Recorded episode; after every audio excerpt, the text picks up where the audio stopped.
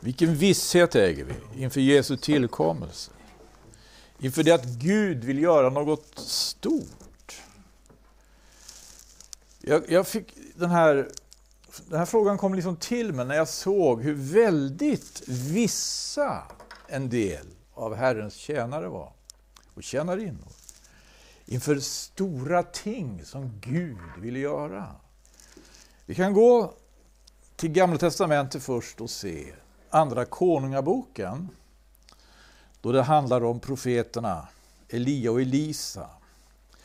Och Elia håller på att fullborda sitt lopp som profet.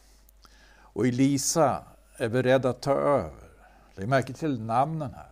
Det är mycket lika namn. Och är man en ovan bibelläsare kan man blanda ihop. Men det är två olika individer. Elia och Elisa. Och så fanns det en skara profetlärjungar. Och den dag som det var frågan om så står det om i Andra Konungabokens andra kapitel så här. Hör här. Vid den tid då Herren ville upptaga Elia till himmelen i en stormvind gick Elia och Elisa från Gilgal. Bara, det här, bara den här enda versen, den, den, den eh, talar ju om någonting ganska så enastående. Vad Gud ville göra, så han ville göra det här. Han ville upptaga profeten Elia, en hatad profet. Konungen i Israel sa om honom att det var han som drog olycka över hela landet. Men Elia vände på, på det här och sa, det är du och ditt hus som drar olycka över Israel. Så, så oerhört annorlunda kan perspektiven alltså vara. Och det var, därför är det väldigt viktigt att vi har en andlig orientering. Och Det har också med vissheten att göra. Vi fortsätter. Och Elias sa till Elisa, stanna här, ty Herren har sänt mig till Betel. Men Elisa svarade, så sant Herren lever och så sant du själv lever. Jag lämnar dig icke. Och de gick ner till Betel. Då kom profetlärjungarna i Betel ut till Elisa och sa till honom, vet du att Herren idag vill ta din herre ifrån dig, upp över ditt huvud? Han svarade, ja, jag vet det tig stilla. Och Elias sa till honom, Elisa, stanna här, ty Herren har sänt mig till Jeriko. Men han svarade, så sant Herren lever och så sant du själv lever, jag lämnar dig icke. Och det, gick, och det kom till Jeriko. Då gick profetlärjungarna i Jeriko fram till Elisa och sa till honom, Vet du att Herren idag vill ta din Herre ifrån dig upp över ditt huvud? Han svarade, ja, jag vet det, tig stilla. Och Elias sa till honom, stanna här, ty Herren har sänt mig till Jordan. Men han svarade, så sant Herren lever och så sant du själv lever. Jag lämnar dig icke. Och de gick båda åstad. Men 50 män av profetlärjungarna gick också och ställde sig på något avstånd längre bort, under det att de båda stod vid Jordan. Och Elia tog sin mantel och vek ihop den och slog på vattnet. Då delade sig detta åt två sidor och det gick så båda på torr mark därigenom. När det hade kommit över sa Elia till Elisa, bed mig om vad jag ska göra för dig, innan jag blir tagen ifrån dig. Elisa sa, må en dubbel arvslott av din ande falla mig till.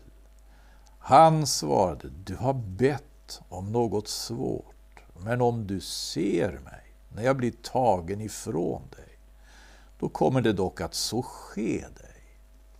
Varom icke så sker det under det att det nu gick och talade syntes plötsligt en vagn av eld med hästar av eld och skilde de båda från varandra.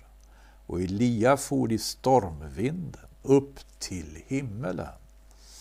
Och Elisa såg det och ropade, min fader, min fader, du som för Israel är både vagnar och ryttare.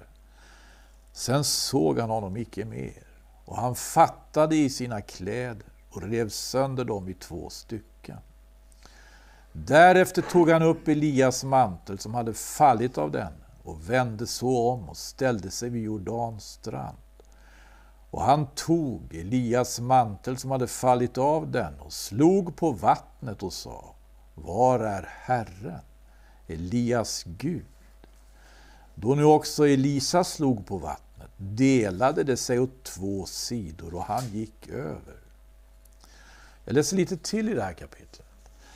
När profetlärjungarna som var vid Jeriko på något avstånd såg detta sa de Elias ande vilar på Elisa. Och det kom honom till mötes och bugade sig ner till jorden för honom. Och det sa till honom, se bland dina tjänare finns femtio raska män. Låt dessa gå och söka efter din herre. Kan hända har Herrens ande lyft upp honom och kastat honom på något berg eller i någon dal. Men han svarade, sänd ingen och stad. Men när det länge och väl enträget hade bett honom därom, sa han, så sänd då och stad. Då sände de åstad femtio män, och dessa sökte efter honom i tre dagar, men fann honom. När de sedan kom tillbaka till honom medan han ännu vistades i Jeriko, sa han till dem, sa jag icke till er att ni icke skulle gå? Det här var enligt skriften vad som ägde rum då, när Elia upptogs till himlen. Han avslutade sin gärning på det viset. Om Elia kan vi läsa då i både första och andra konungaböckerna vilken gärning det var. Hur utrustad han var. Han var utrustad med ande och kraft. Och det var en sån kraft och en sån ande att eh, den profeten Malaki påminner om detta. När han, när han profeterar om Messias, han profeterar om, om, om Herrens tillkommelse, då skriver han att det ska komma en i Elias ande och kraft. Och vi vet att när vi läser i Nya Testamentet så läser vi om profetens Johannes. Att det var precis det var han som var utrustad på det viset. Men vi ska nu titta på Eh, det är lite märkligt, för när jag läser det här, så, och när jag läser om de här profetlärjungarna, och jag läser om Elisa, så, så, gör det väldigt intryck på mig att de hade alla en, en, orienter, en andlig orientering. De hade det. De visste dagen hade kommit, stunden hade kommit. Vet du, sa de, vet du det, att Herren idag vill ta din Herre upp över ditt huvud. Och Elias sa, jag vet. Tig stilla. Han behövde inte upplysas om det. Därför eh, Elisa ägde en sån, en sån beredskap. Vi brukar ju tala om beredskapen inför Herrens tillkommelse. Ämnet för mig här ikväll det är inte beredskapen bara, utan det är visshet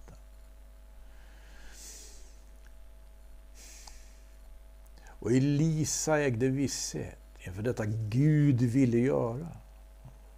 Och ingenting tog honom med överraskning. Du kan läsa om Elisa, läs i Andra Konungabok. Han blev överfallen, han blev överrumplad gång på gång. Och det var död och pina, det var, det var giftig mat och det var, det var vad heter det, främmande härar och det var det ena och det var det, det andra. Men han blev aldrig tagen med överraskning. Han hade alltid denna väldiga bered, för, han var förberedd på ett märkligt sätt. Han vandrade tillsammans med Gud Ja, det här gör intryck på mig när jag läser om Jesu lärjungar. De vandrade med Jesus. De vandrade med Jesus. Och de var verkligen underrättade av Jesus vad som skulle komma. Men de hade tydligen ingen förmåga att riktigt ta det till sig. Vi ska läsa om det stora som ägde rum, som Gud gjorde, då han sände Jesus och uppväckte honom från de döda. Det står om det här i Johannes evangeliets 21 kapitel. Det här är uppståndelsens morgon efter korsfästelsen, efter hans dödslidande och faktiskt död. För han lades död i graven, men han uppstod levande ur graven. Och det här har, det här har nu skett när vi läser Johannes evangeliet 20, 20 kapitel. Ursäkta. 20 kapitel. Då, då står det så här. Men på första veckodagen om morgonen, medan det ännu var mörkt, kom Maria från Magdala dit till graven och fick se stenen vara borttagen från graven. Då skyndade hon därifrån och kom till Simon Petrus och till den andra lärjungen, den som Jesus älskade, och sa till dem, det har tagit Herren bort ur graven och vi vet icke var de har lagt honom. Då begav sig Petrus och den andra lärjungen och stad på väg till graven, och de sprang båda på samma gång. Men den andra lärjungen sprang fortare än Petrus och kom först fram till graven. Och när han lutade sig dit in såg han linnebindlarna ligga där. Dock gick han icke in. Sedan efter honom kom också Simon Petrus dit. Han gick in i graven och fick då se hur, hur bindlarna låg där. Och hur duken som hade varit höljd över hans huvud icke låg tillsammans med bindlarna utan för sig själv på ett särskilt ställe hopvecklad. Då gick och den andra lärjungen dit in, han som först hade kommit till graven, och han såg och trodde. De hade nämligen ännu icke förstått skriftens ord, att han skulle uppstå från de döda. Och lärjungarna gick så hem till sitt igen. Men Maria stod och grät utanför graven, och under det hon grät lutade hon sig in i graven och fick då se två änglar i vita kläder sitta där Jesu kropp hade legat. Den ene vid huvudets plats, den andra vid fötternas. Och det sa till henne, Kvinna, varför gråter du? Hon svarade dem, de har tagit bort min herre och jag vet inte var de har lagt honom. Vid det hon sa detta vände hon sig om och fick se Jesus stå där. Men hon visste icke att det var Jesus. Jesus sa till henne, kvinna, varför gråter du? Vem söker du?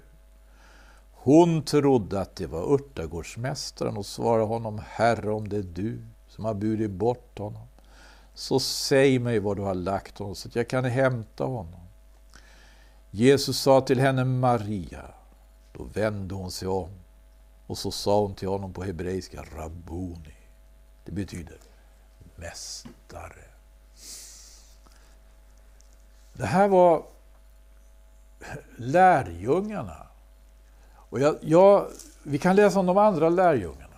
Och jag tror att Maria, hon var nog den som faktiskt mest klart uttryckte den lärjungarnas gemensamma, om vi säger eh,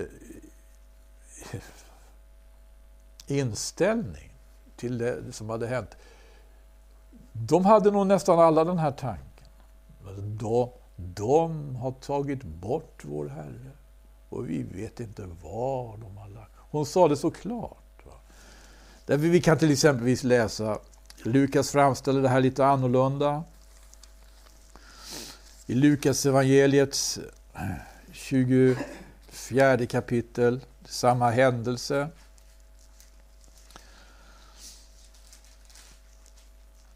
Och det står så här, jag läser från början där.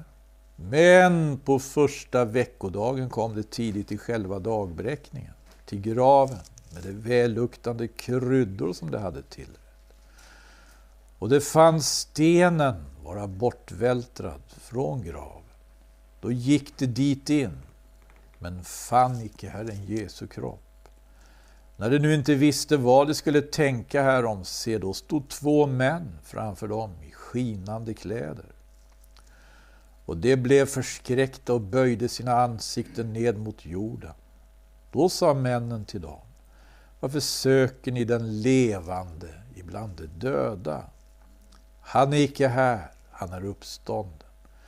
Kom ihåg vad han talat till er medan han ännu var i Galileen, hur han sa, Människosonen måste bli överlämnad i syndiga människors händer och bli korsfäst. Men på tredje dagen ska han uppstå igen. Då kom de ihåg hans ord och de vände tillbaka från graven och omtalade allt detta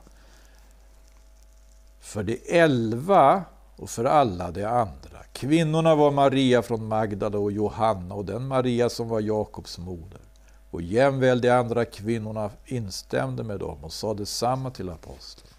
Deras ord syntes dock för dessa vara löst tal, och det trodde de icke.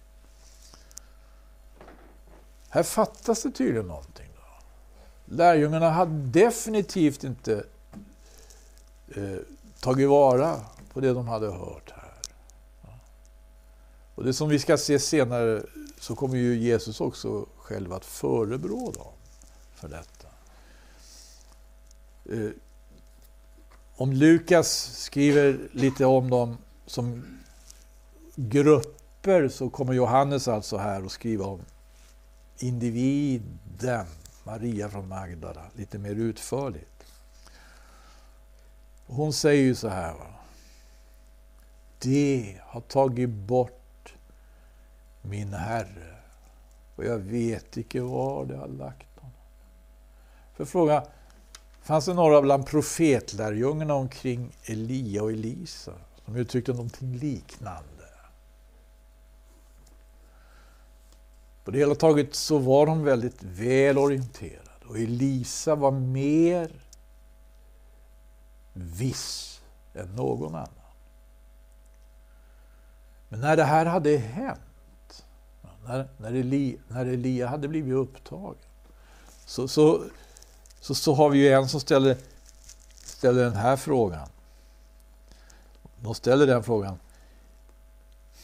De konstaterar först Elias ande vilar på Elisa. Och det kom honom till mötes och bugade sig ner till jorden för honom. Och det sa till honom.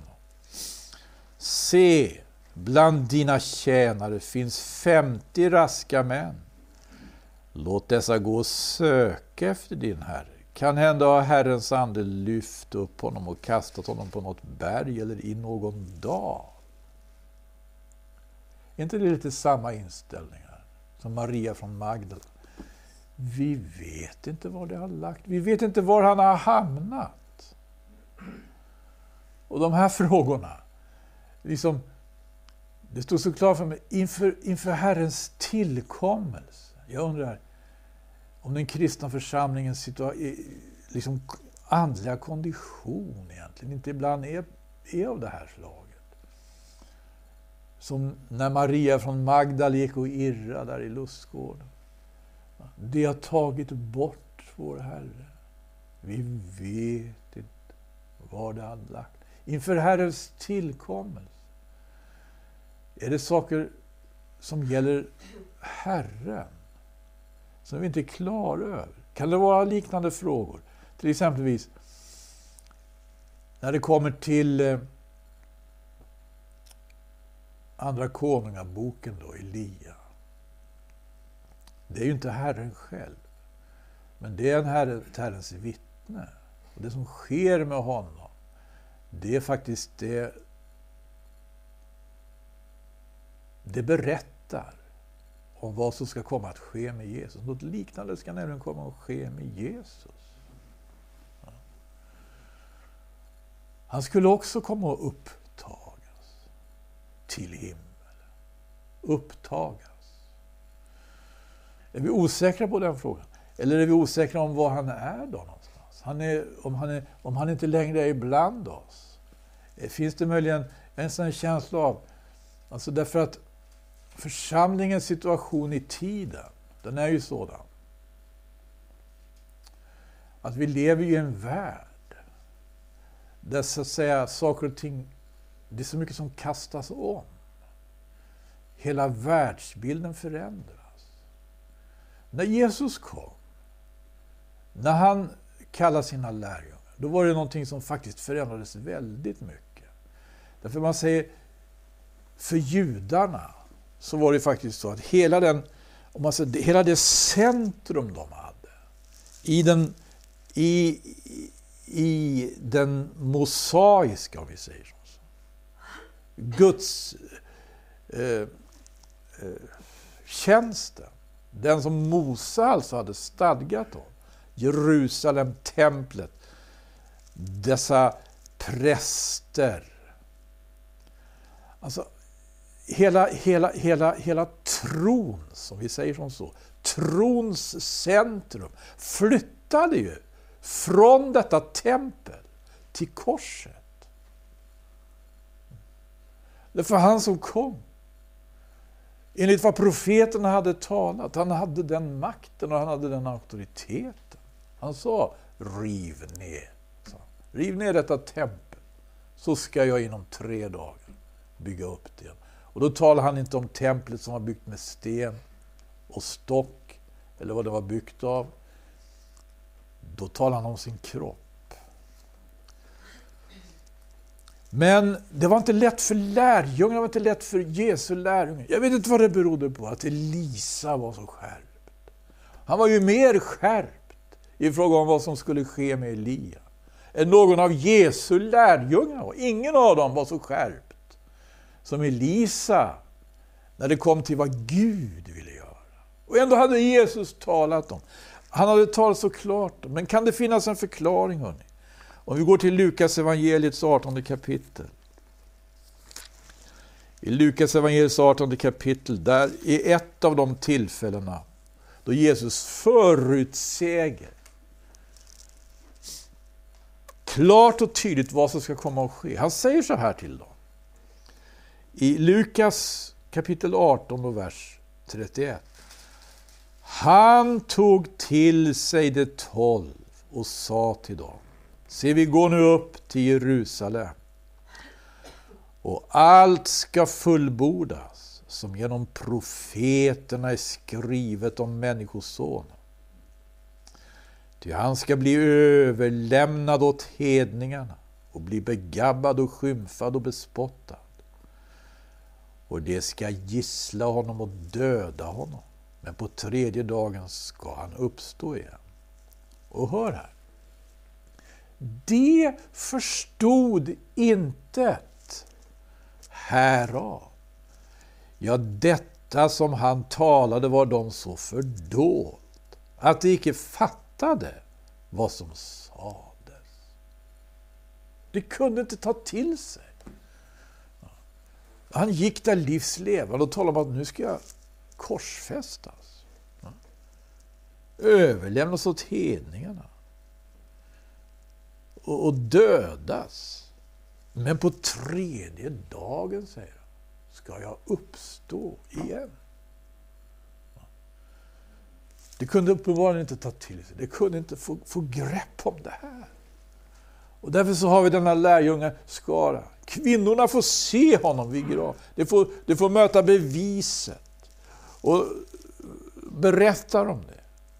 De hade fått en uppenbarelse, änglarna hade trätt fram och berätt och talat om vad som egentligen nu skedde här. Men lärjungarna sa det här är löst tal. Bröd. När systrarna kom så sa bröderna det här är löst tal. Det trodde de icke. Men då kommer ju det här också. Tillfälle sen då Jesus tillrättavisar dem. Inför det här stora som Gud ville göra. Han ville uppta Elisa till himlen. Han ville vad då? Han ville någonting som Jesus själv fick kämpa väldigt med i bön. Han kämpade i bön i Getsemane örtagård. Han bad faktiskt om det är möjligt så gånge denna kalk ifrån mig. Men så, så bad han också, dock ske icke min vilja, utan din. Därför det stod skrivet att det här skulle, det här måste ske, det här måste ske. Lärjungarna ville, ville ta till svärd och, och riktigt angripa då folkskaran som kom, utsänd från översteprästen och de äldste för att gripa Jesus. Hade med sig den romerska vakten också, enligt Johannes. Men Jesus säger, vad säger han för någonting? Menar du? Till den som vill hugga till med svärd säger han, menar du att icke skulle nu av min fader kunna utbilda mig? Att han till min hjälp sände tolv legioner änglar men hur skulle då skrifterna kunna fullborda. Som säger att så måste, så här, så här måste det gå till. Så här, det här måste ske. Och lärjungarna stod de fattade inte. Och när han var korsfäst, när han hade blivit korsfäst, när han hade, när han hade blivit begravd, när han, när han hade uppstått från de döda, fattade de fortfarande. De kunde inte fatta det. gode Gud. Och Jesus kom ju, enligt Lukas 24 kapitel, plötsligt går han där med dem. Va? Han går med dem. Och de känner inte igen honom, står det.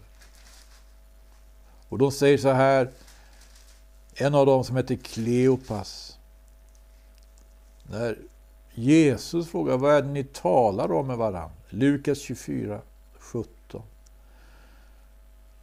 Den ene som hette Kleopas svar sa till honom Du är väl en främling i Jerusalem, den enda som inte har hört vad där har skett i dessa dagar. Ganska märkligt att säga till honom som var själva huvudpersonen i dramat. Han som verkligen var, befann sig i centrum. Han var alltså den enda som inte hade hört vad som där har skett. Det här är alltså tydligt klart, klart talar om skillnaden mellan Andens budskap och det som kött och blod kan tänka sig.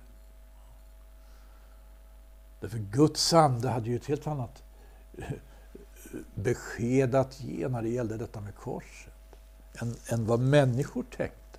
Nu tänkte människor att det här är slut. Nu tänkte människor nu, ja, har vi bara bevittnat en stor tragedi.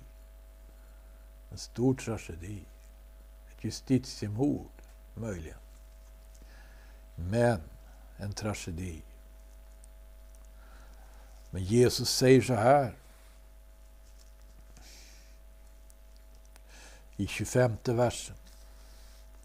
O, hur oförståndiga är ni icke och tröghjärtade till att tro på allt vad profeterna har talat. Måste icke Messias lida detta för att så ingå i sin härlighet? Och han började att genomgå Mose och alla profeterna och uttydde för dem vad som i alla skrifterna var sagt om honom. Och så småningom kom de faktiskt fram till. Även om det står rent av, när han hade samlat de elva lärjungarna på berget i Galileen, som de skulle gå till, de hade fått den hälsningen, att det var några som tvivlade.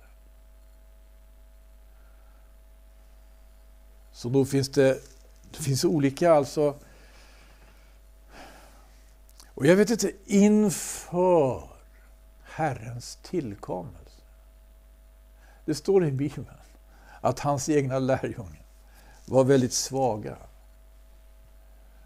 Kan det vara en tröst för oss då om vi känner att vi, att vi inte riktigt mäktar med? Men vi borde verkligen ta vara på den här tillrättavisningen.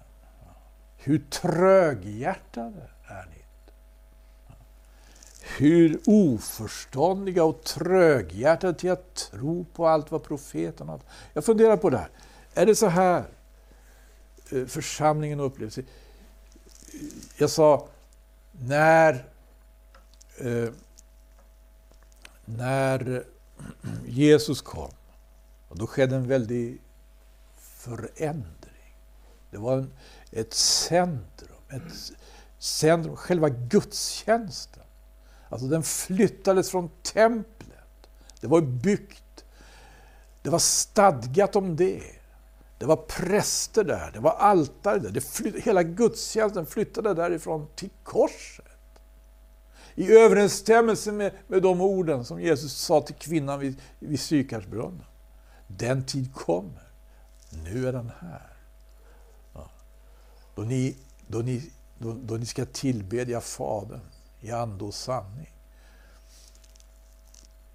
Den tid kommer. Det varken är på detta berg eller i Jerusalem och ni ska tillbedja Fadern. Nu gällde det ett annat, ett annat, och det gäller ett annat sätt. Men vi, vi upplever ju också den kristna församlingen år 2021 en tid, vi har upplevt stora förändringar. Tänk vad mycket, hur världen, det handlar om, vi levde en gång till exempelvis, man kan säga, vi hade, människor hade en terracentrisk världsbild. Det var jorden som var centrum. Jorden var centrum.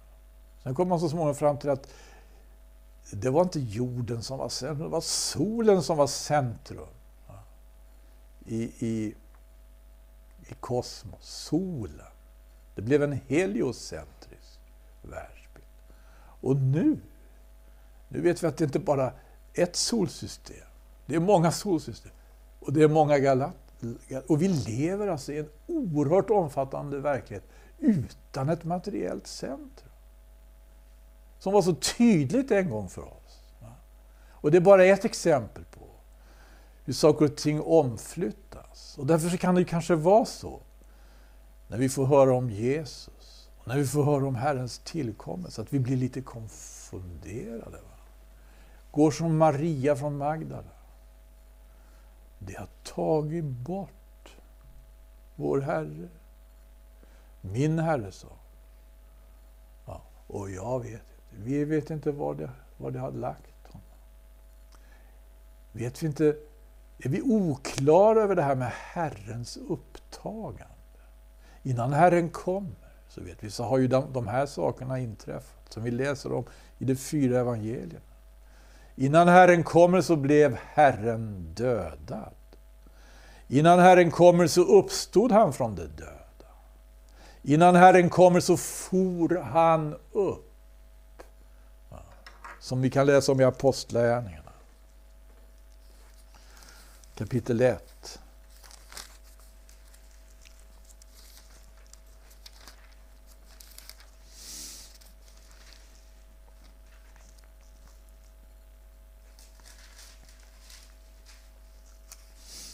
Och i alla de fyra evangelierna.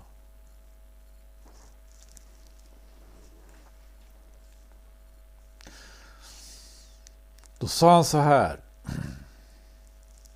När han var tillsammans med dem, står det Apostlagärningarnas första kapitel. Då bjöd han dem och sa Lämna icke Jerusalem, utan förbida där vad Fadern har utlovat. Det var om ni har hört av mig. Ty Johannes döpte med vatten, men få dagar härefter ska ni bli döpta i helig ande. Då de nu hade kommit ihop frågade honom och sa, Herre, ska du nu i denna tid upprätta igen riket åt Israel?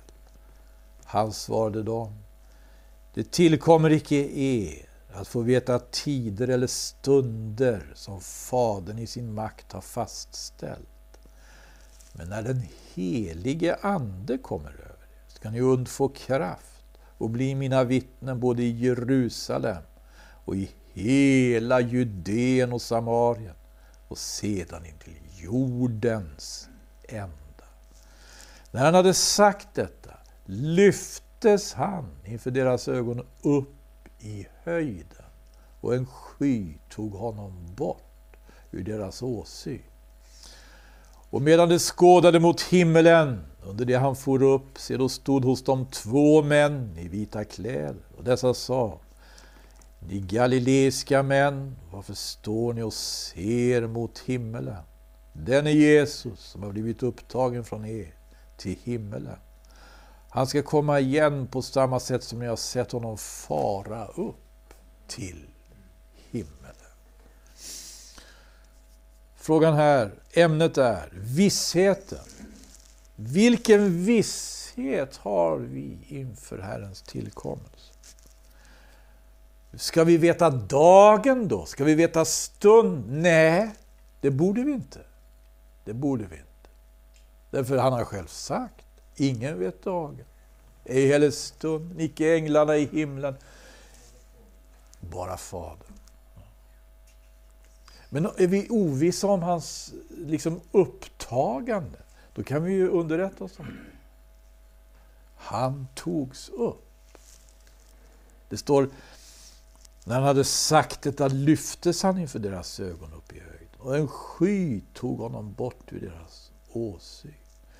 Är vi ovissa i frågan om hans befintlighet, om vi säger så. Maria sa, när hon gick omkring i lustgården, eller i, i närheten där, graven var.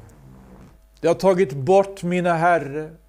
Jag vet inte vad det har lagt Eller som profetlärjungarna.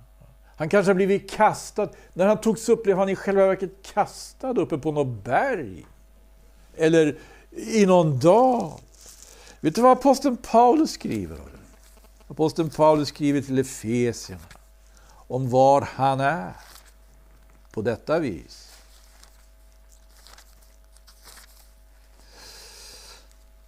Efesierna kapitel 1.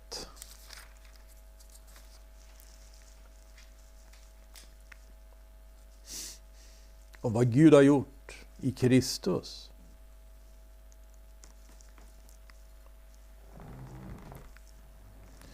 I tjugonde versen i, i Efesierbrevets första kapitel.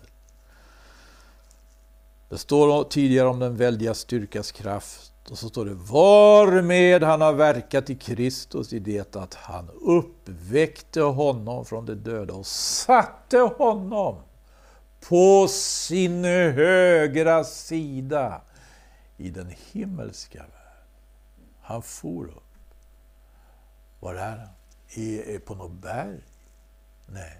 I någon dal? Nej. Var har du lagt honom? Han sitter på Faderns högra sida i den himmelska världen. Vi vet att det var en lärjunge som tvivlade vem han var, om det verkligen var han. Och det var ju, det står om det i Johannes evangeliet också. Thomas. Men Jesus kunde ge besked. Hörrni, har vi frågor, gode Gud? Har vi behov av visshet? Vi kan bedja till Herren. Det här är vad som jag tror verkligen det som är nödvändigt. Vi kan ställa frågorna till Gud, vi kan bedja till honom. Tänk om vi kunde vara så vissa när det kommer till Herrens Jesu tillkommelse som Elisa var när det gällde det stora Gud ville göra med Elia. Lärjungarna var inte så viss. Inte lärjungarna det heller i den. Men det finns. Det finns en Gud som hör bön. Vi ska inte behöva vara ovissa. Om dagen eller stunden vet vi inte. Men var han är, han är på Faderns högra sida han som ska komma. Ja, gode Gud, jag tror att det här ämnet får vi stanna vid lite kanske. Och be Gud om hjälp att riktigt vi riktigt kan ta till oss. Det, det var inte lätt för Jesu lärjungar då.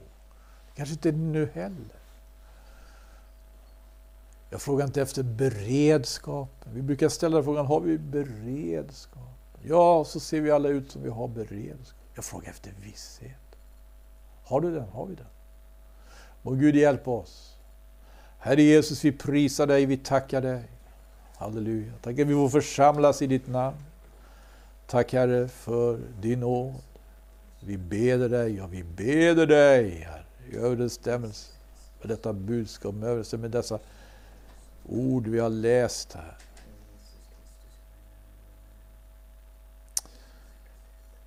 I Jesu namn, Amen.